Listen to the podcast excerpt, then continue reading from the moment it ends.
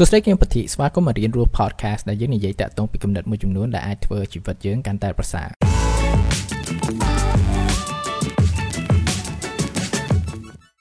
តាំងពីប្រហែលថ្ងៃនេះឡើងយើងចាប់ផ្ដើមឃើញមានសង្គ្រាមដែលបានផ្ទុះឡើងរវាងរុស្ស៊ីហើយជាមួយអ៊ុយក្រែនហើយនេះជាអ្វីមួយដែលថាវាប៉ះពាល់ដល់អារម្មណ៍ខ្ញុំ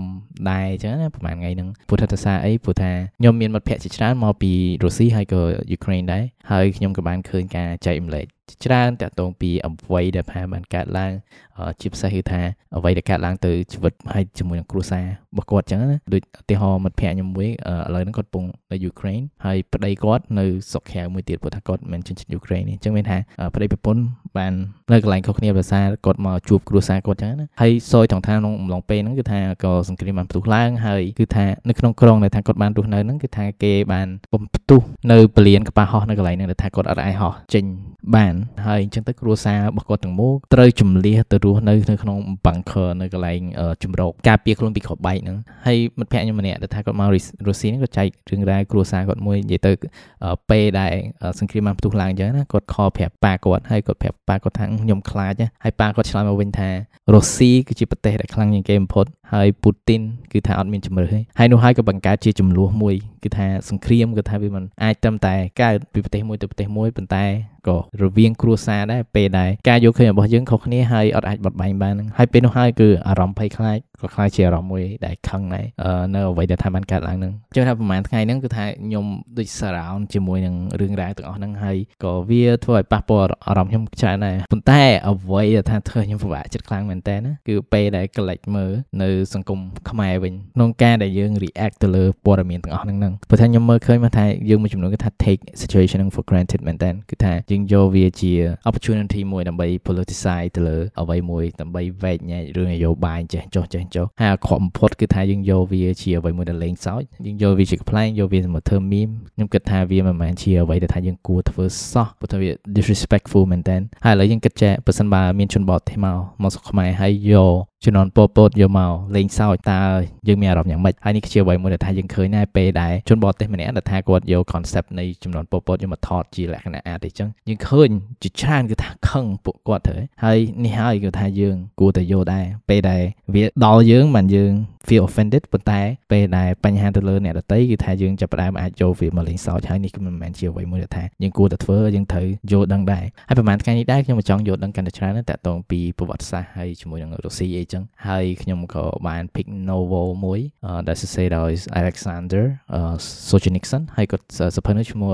A Day in the Life of Ivan Denisovich ហើយមាន clear មួយដែលគាត់សរសេរមកទៅថាវា illustrate situation នឹងចំហ្មងគាត់និយាយថាតើមនុស្សដែលកំពុងមានភាពកក់ក្ដៅអាចយល់ពីទុក្ខលំបាកនៃមនុស្សដែលកំពុងមានភាពរងានោះទេវាជាអ្វីមួយដែលថាវាធ្វើឲ្យខ្ញុំគិតតាក់ទងពី situation កំពុងតែកើតឡើងជាពិសេសគឺថាពេលដែលយើងកំពុងមានសន្តិភាពតែយើងអាចយល់ឬអត់នៃជីវិតដែរកំពុងប្រឈមមុខនឹងសង្គ្រាមសពថ្ងៃហ្នឹងព្រោះថាវាងាយស្រួលមែនតើថាយើងយក situation ទាំងអស់ហ្នឹងយកមកលេងសើចពុទ្ធសាសនាអីយកដឹងថាអានឹងវាជួយចាប់ប៉ុណ្ណាយកដឹងតាក់ទងពីទុកលំបាកទាំងអស់ហ្នឹងឯងហើយពេលដែលយើងកំពុងមានសន្តិភាពហ្នឹងយើងអាច take for granted មែនតើតាក់ទងពីអ្វីដែលថាយើងកំពុងមានយកដឹងថាវាមានតម្លៃប៉ុណ្ណាឯងព្រោះនៅក្នុងសម័យទំនើបហើយនៅក្នុងសង្គមមួយដែលថាវាមានសន្តិភាពយើងភាគច្រើនប្រកាសជាដឹងថាអារម្មណ៍បែបម៉េចដែលចូលទៅគេងអត់បាយឃ្លានឬក៏តំងជួលនៅក្នុងជំរំដើម្បីយកអាហារញ៉ាំហើយអារម្មណ៍យ៉ាងម៉េចដែលថាយើងគេងនៅកន្លែងសាធារណៈជុំគ្នាជាមួយនឹងមនុស្សរាប់រយនាក់ហើយអារម្មណ៍យ៉ាងម៉េចដែលថាលឺសរ៉ែននៅក្នុងទីក្រុងនឹងរោឡើងដើម្បីឲ្យយើងរត់នឹងពេលខ្លះដោយសារយើងអត់ដែរជួបផ្ទះទាំងអស់ហ្នឹងគឺថា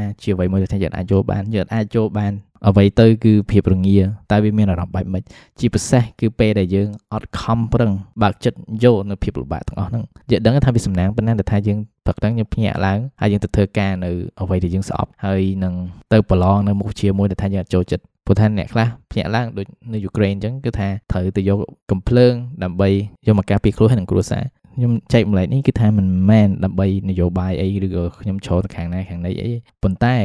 អ្វីដែលថាខ្ញុំចង់ចែកម្លែកនេះគឺតកតងពីមនុស្សជាតិដែលថាយើងគួរតែផ្ដោតមើលតើមនុស្សធម៌បែបណាដែលថាយើងគួរមានចំពោះមនុស្សផ្សេងផ្សេងដែលកំពុងតែជួបប្រទេសនៃការជិះចាប់ទាំងអស់ហ្នឹងព្រោះថាអាចពួកគាត់នៅប្រទេសមួយផ្សេងឬក៏នៅកន្លែងមួយឆ្ងាយឬក៏វប្បធម៌មួយផ្សេងឬក៏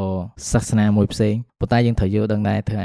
យើងទាំងអស់គ្នាគឺមនុស្សដូចគ្នាហើយយើងត្រូវមើលដែរបើសិនជាបញ្ហា ដែលពួកគាត់ជួបហ្នឹងជាអ្វីមួយដែលថាយើងអាចជួយបានដោយសារអូខេប្រាក់កម្រៃដោយសារអត់មានវិធីឬក៏មិនក៏ដោយអ្វីដែលថាយើងអាចធ្វើបានគឺថា កុំយកវាមកលេងសើចព្រោះថាការដែលយើងយកសង្គ្រាមយកមកលេងសើចគឺថាយើងធ្វើឲ្យសង្គ្រាមគឺថាคล้ายជាអ្វីមួយដែលថាយើងមើលមកធម្មតាហើយនេះមិនមែនជាអ្វីមួយសោះដែលថាយើងគួរយកមកធ្វើព្រោះថាយើងទាំងអស់គ្នាគឺជាមនុស្សដូចគ្នាយើងក៏អាចមានភាពភ័យខ្លាចដូចគ្នាយើងក៏អាចមានភាពរងាដូចគ្នាឬក៏យើងអាចឃ្លានដូចគ្នាអញ្ ចឹង